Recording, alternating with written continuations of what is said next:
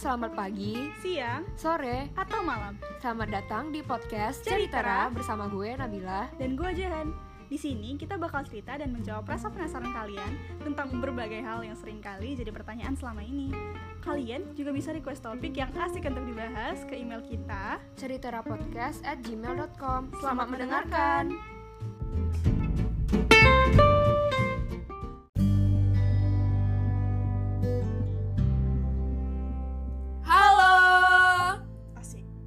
Oke, jadi di episode kali ini kita bakal bercerita tentang kuliah di luar negeri. Oke, kuliah abroad gitu. Asik. Jadi seperti biasa ada gue, Jahan, dan ada Dan- teman gue nih. Dan gue Nabila, Oke, Nabila kuliah di mana? gue kuliah di Malaysia. Sekarang Jurusan? jurusan psikologi. Oke. Ini kita kali ini mau nanya nanya-nanya Nabila nih tentang Iya boleh. perkuliahan. Jadi yang eh, pertama dan yang paling utama, kenapa nih? Kamu, kenapa sih lo mi- milih tuh kuliahnya di luar negeri? Hmm, gue tuh pengen di luar negeri karena yang pertama itu eh, pengalaman pasti ya. Apalagi kan pengen sesuatu yang baru yang beda. Gue juga mikir tentang international exposure gitu. Jadi banyak temen dari luar negeri juga gitu. Dan sama gue juga pengen ngelatih bahasa Inggris gue gitu mau nggak mau kan kita harus ngelatih dipraktekkan gitu Exchanging culture ya. nah bener banget gitu bahasanya Oke. Terus eh, tadi kan lo bilang lo jurusan psikologi ya. Mm. Nah, kenapa lo milih jurusan psikologi di luar negeri? Jadi alasan gue milih psikologi itu karena gue tuh tertarik banget nih sama eh, hubungan antar manusia, apa pun yang berhubungan dengan manusia, apalagi manusia kita sebagai makhluk sosial gitu. Gue juga seneng bersosialisasi, bertemu dengan orang lain. Jadi gue tuh tertarik gimana sih, kenapa sih orang itu bisa seperti ini, kenapa orang bisa seperti itu, lalu ada juga kenapa ada penyakit mental seperti ini dan seperti itu. Jadi apa pun aspek tentang manusia tuh gue tuh tertarik banget dan pengen gue pelajarin gitu gue. Oke. Terus eh, kalau rasa gue ya, rasa gue tuh kayak izin orang tua tuh sering jadi masalah nih kalau misalnya kita mau eh, keluar negeri kuliah. Nah, kalau lo sendiri eh, gimana caranya lo bisa izin ke orang tua dan cara lo ngeyakinin orang tua lo kalau lo emang mampu gitu kuliah di luar sendirian. Kalau gue alhamdulillah eh, nggak begitu susah sih ngeyakinin orang tua gue karena gue orang tua gue sendiri juga ngasih eh, pilihan boleh kuliah di mana asal gue benar-benar komitmen dan yakin dengan pilihan gue. Jadi cara gue itu dengan gue ngasih tahu nih gue pengen jurusan ini eh, alasannya tadi. Lalu alas gue kenapa gue pengen luar negeri? Karena ya jadi kita gue dengan jadi menurut gue tuh caranya itu dengan pendekatan kayak diajak ngobrol gitu sama orang tua. Jadi kita lebih kebahas kenapa gue milih ini lalu kelebihannya apa kurangannya apa eh, bener-bener dipertimbangkan gitu loh jadi kita ajak ngobrol orang tua kita biar ngerti juga gitu loh dia jadi kita harus eh, dua arah gitu ya. Nah, ya, dua arah. Nah, terus em, persiapannya nih, eh, apa-apa aja yang harus eh, disiapin kalau misalnya gue mau kuliah di luar negeri gitu. Kayak mungkin ada berkas-berkas atau apa gitu. How do I start? nah jadi yang pertama itu yang paling penting nih bahasa Inggris ya karena kan kita eh, kuliah di luar negeri kan nggak ngomong pakai bahasa kita gitu kan. Aha. jadi mau nggak mau kita harus siapin bahasa Inggris kita. Nah kalau untuk bahasa Inggris tuh eh, bahasa Inggris sendiri kita tuh butuh biasanya kalau dari kampus itu selalu minta kalau nggak TOEFL IELTS. Nah eh, kalau gue sendiri gue pilih tes IELTS karena di IELTS itu semuanya dites gitu kayak bener-bener lo tuh bener-bener ngomong kayak speaking bener-bener speak, speak speaking tuh bener-bener ngomong sama native speaker lalu reading juga terus listening juga dan em, writingnya juga bener-bener diasah gitu loh bener-bener dipraktekkan gitu Oh gitu. Jadi lebih bagusan IELTS ya menurut lo. kalau menurut gue lebih bagusan IELTS sih jadi mau nggak mau kita semuanya dites gitu Hmm, Soalnya kalau misalnya di Indonesia sih kan kadang orang masih kayak prefer ke TOEFL gitu kan karena Hmm. katanya lebih iya Terus em, itu tadi persiapan. terus yang kedua Oke, apa lagi?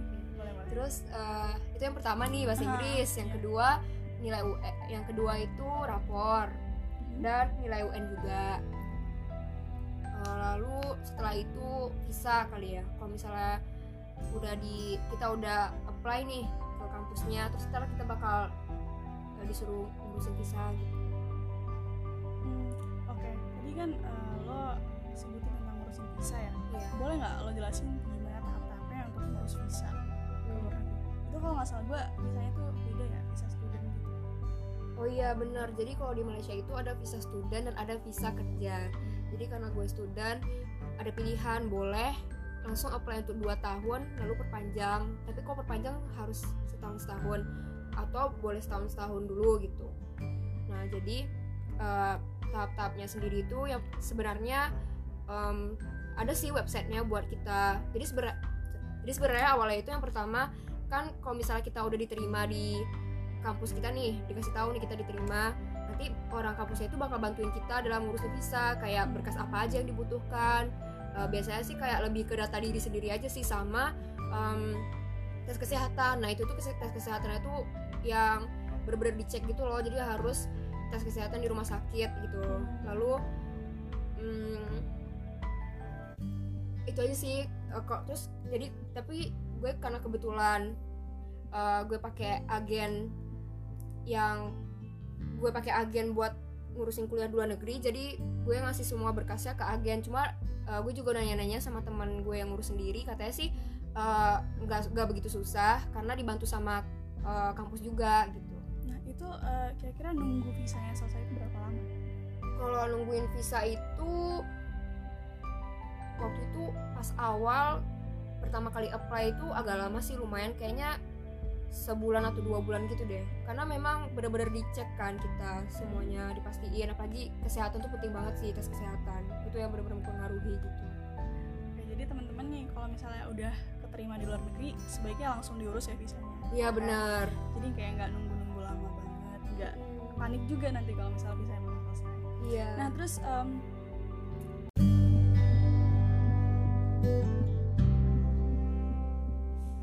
oke.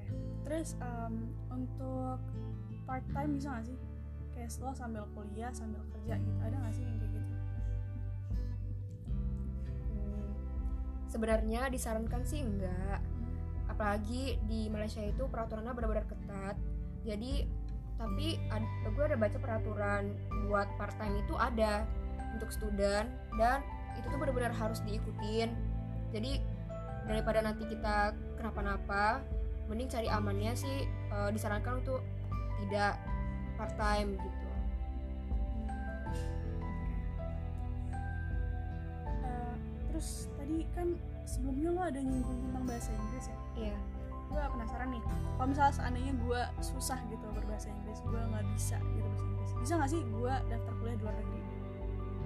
Bisa bisa banget kok Eh, karena kalau di Malaysia itu jadi kan kita kan awalnya kan biasanya nih di kampus itu pas kita masuk ada dites lagi tuh bahasa Inggris kita kayak eh, ada tes lisannya gitu tes ada tes tertulisnya gitu. Jadi setelah itu keluar nanti kita dikasih tahu nih kita eh, bakal perlu kelas bahasa Inggris atau tidak. Kalau misalnya kita perlu kelas bahasa Inggris berarti kita dianjurkan untuk ikut kelas itu. Jadi sambil belajar bisa gitu. Biasanya kalau kelas bahasa Inggris tuh kayak satu atau sampai dua semester aja sih. Jadi nggak masalah kalau misalnya eh, ada yang ngerasa nggak pede sama bahasa Inggrisnya jadi kita bisa belajar lagi di sana. Hmm, terus em, sistem pembelajaran di luar negeri itu gimana sih? Kalau di Malaysia sendiri kayaknya hmm, sama aja sih sama di Indonesia. Cuman mungkin yang gue notice itu ya kayak kalau di Malaysia itu kalau di kampus gue kayak sekali kelas itu bener-bener langsung seangkatan gitu loh. Jadi satu kelas tuh langsung eh, seratusan orang gitu. Lalu perbedaannya hmm, tapi sisanya kayak sama aja deh kayak tugas kan kayak ada laporan praktikum juga gitu kan. Mm-mm. terus eh, bikin paper kayak gitu kuis ujian sama aja sih nggak nggak beda. Paling terus juga oh paling ini yang bikin beda itu kalau kebetulan di kampus gue itu pakai sistemnya itu eh, dipaketin. Jadi kayak mat- mata kuliah itu dipaketin semester ini ambil apa aja gitu. Tapi kita boleh milih mau ngambil semua atau beberapa gitu. Kalau di Indonesia kan eh, SKS SKS, ya. ya. Eh, aku juga gue juga jujur kurang ngerti juga sih sistem SKS gitu. Oke oke terus gue belum nanya kenapa Malaysia? Kenapa nggak kayak mungkin di Singapura kayak di mana gitu kenapa harus Malaysia?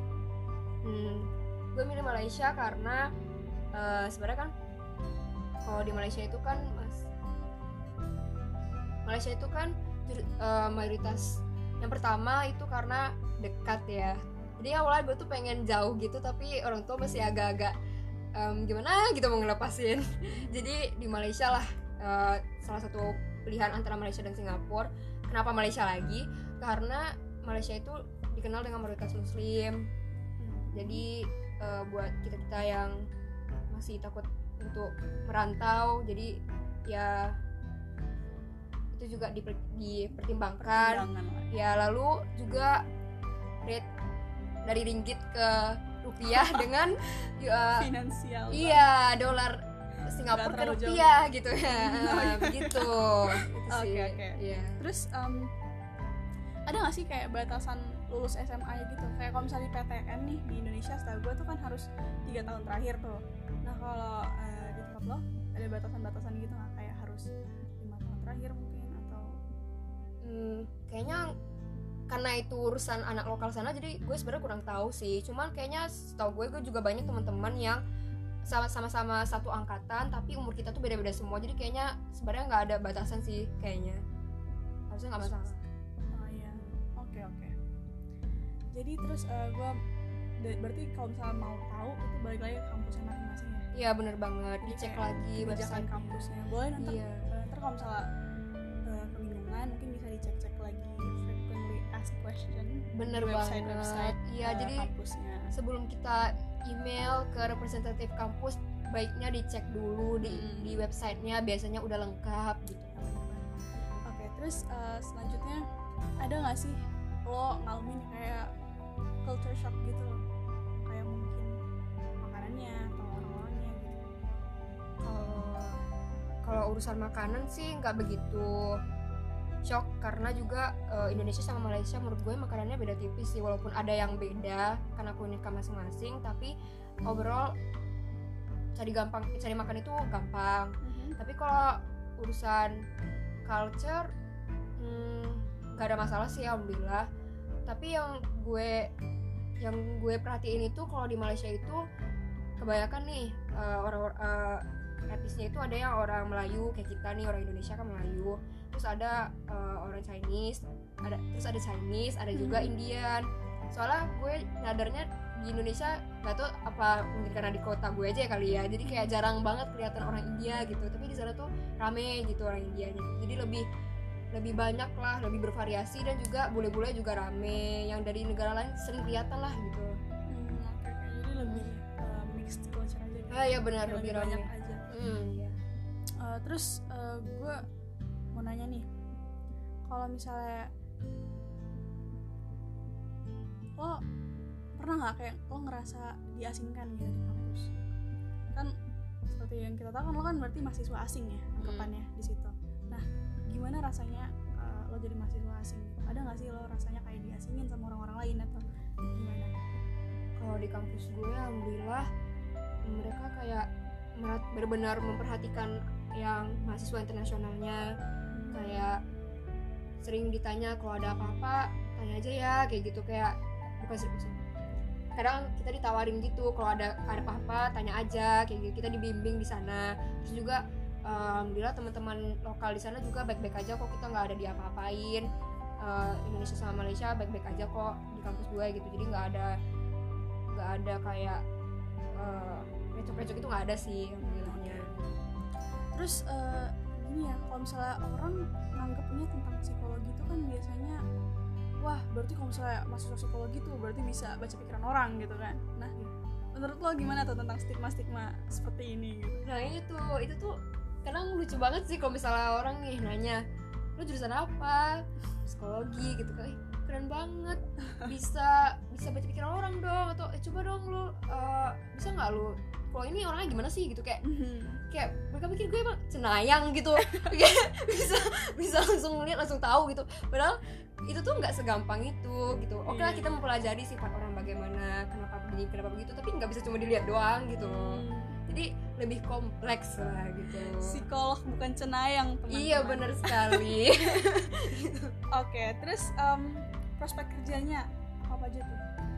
Kalau psikolog? Ya, tentu jadi psikolog jadi psikolog itu yang paling utama buka praktek. Tapi sebenarnya jujur ada banyak banget kok kayak psikolog itu dibutuhkan di mana-mana. Kayak di entertainment di dunia perkantoran di bisnis konsultan kayak gitu.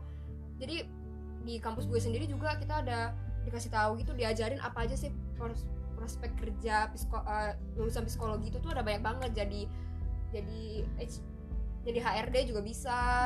Jadi marketing juga bisa asisten juga bisa gitu jadi memang ada banyak banget dan di berbagai bidang juga bisa Iya, apalagi menurut gue sekarang ya karena orang-orang udah eh, cenderung main HP terus kan, terus kayak Mm. jarang ketemu orang-orang, sering kali mental health-nya juga ikut keganggu gitu. nah iya benar Nah, kita harus benar-benar aware itu sih ya. Jadi kayak emang belakangan ini psikologi emang lagi naik-naiknya sih. iya karena di bidang apa pun pasti dibutuhkan Iya, gitu untuk kesehatan mental kita Nah, terus ya? Kalau misalnya lo kuliah di luar negeri gitu, lo sering gak sih kayak jalan-jalan gitu? Mungkin ke Twin Tower kayak atau ke mana gitu? Gue kan pengen tahu gitu.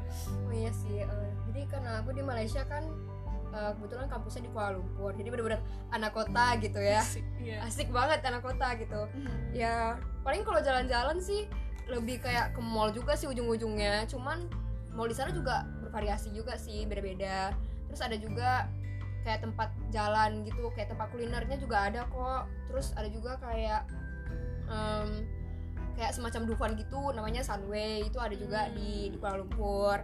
Ada juga Genting Highlands kayak yang naik gondola ke dataran tinggi itu kan tahu pada tahu pasti kan. Tahu lah. Hmm, sama ada batu caves terus kayak lebih kayak uh, culture gitu dia wisatanya. Lebih kayak temple kayak gitu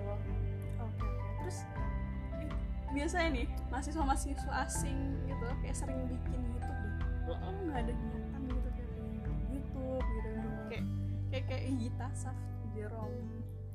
keren banget gitu kan yang ngelihatnya seru gitu kan sharing kayak gitu jujur sebenarnya gue pengen banget sih kayak nge-sharing apalagi gue juga orangnya cerewet gitu kan Iya, ya iya, banget sih. tapi ya itulah masalahnya kampus gue bener-bener sibuk banget jurusan gue bener-bener sibuk banget apalagi juga sistem uh, pembelajaran di kampus gue itu setahun itu tiga semester ya. Jadi liburan bener-bener sedikit kita bener-bener tugas banyak ujian praktikum juga ada research juga ada. Jadi memang bener-bener dipadatin sih. Malah gue juga ikut ekstrakurikuler tuh bener-bener milih banget gitu saking sibuknya kuliah. Jadi makanya ya udahlah uh, bisa jalan-jalan ke mall tuh udah syukur-syukur banget gitu loh. Terus kayak organisasi gitu ada nggak sih? Oh kalau organisasi uh, ada sih. Kebetulan kan kalau misalnya kita kuliah di luar negeri itu kan ada uh, perkumpulan mahasiswa Indonesia nya gitu kan namanya PPI nah jadi kebetulan gue juga uh, pengurus PPI kampus gue gitu. Terus kita juga di Malaysia itu ada juga namanya PPI Malaysia. Nah kalau PPI di kampus berarti kan namanya PPI cabang. Nah di situlah uh, berkomunikasi. Terus juga kalau ada acara kita sharing-sharing. Atau mungkin ada uh, meeting kayak gitu rapat jadi kita bisa saling kenal sama anak-anak Indonesia di kampus lain juga bisa silaturahmi kalau ada acara kita selalu up to date. Jadi itu bagus sih menurut gue itu sih organisasi orang Indonesia. Terus ada juga sih organisasi lain lebih kayak ke olahraga terus mungkin eh, apa? Kayak olahraga terus debate terus eh, model model United Nation terus juga apa ya seperti kampus di Indonesia pada umumnya lah gitu organisasinya ya. Lo kalau di tempat lo wajib asrama nggak sih?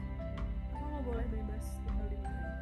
kalau di kampus gue sih gak ada asrama cuman ada eh, biasanya sih kalau misalnya di Malaysia itu di kampusnya kebanyakan eh, menyediakan asrama kayak misalnya kayak wajib eh, tahun pertama tinggal di asrama tapi kalau di kampus gue nggak ada asramanya jadi tinggalnya di apartemen gitu apartemen yang dekat rumah eh dekat apartemen yang dekat kampus Oke oke.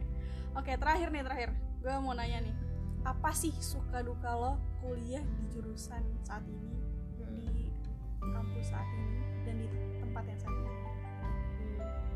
kalau di jurusan saat ini sukanya karena gue juga bisa mengerti kayak langsung dipraktekin di- eh, bisa mengerti orang lain bisa mengerti diri sendiri kalau dukanya kayaknya lebih ke kayak normalnya kita lah sebagai mahasiswa itu mau jurusan apa pun pasti sibuk. Pusing ya? Pusing gitu loh. Ya banyak banyak tugas gitu kan. Pasti ada aja mau mau jurusan seenak apa pun pasti ada aja gitu cobaannya gitu kan. Nah kalau misalnya hmm, kalau itu kan jurusan. Kalau masalah tentang sama-sama aja. Apa mirip-mirip kayak gitu ya suka? Duka kalau di kalau suka duka di Malaysia alhamdulillah kebanyakan sukanya sih. Just, jujur juga gue alhamdulillah sampai sekarang nggak pernah bosan sih. Kayak gue anak kan suka jalan-jalan ya. Kayak eh, seneng selalu sempatkan diri untuk jalan-jalan. Dan gue tuh ke tempat yang sama tuh nggak pernah bosan gitu. Hmm. selalu amazed aja gitu sama Kuala Lumpur keren banget bersih terus semua apa fasilitas eh, umum tuh itu eh, fasilitas, fasilitas umum lengkap. Kayak banyak hal-hal baru yang nggak ada di kita di mereka ada gitu tetap Indonesia apalagi makanan Indonesia tuh the best sih. Parah banget. Banget. Oke deh terima kasih Nabila. Iya sama-sama Jehan. Lain kali ntar kita gantian ya. Iya. Oke.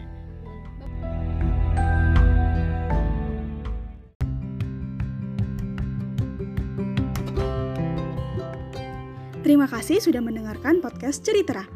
Kunjungi podcast kami untuk mendengarkan episode Ceritera lainnya. Sekali lagi, terima kasih.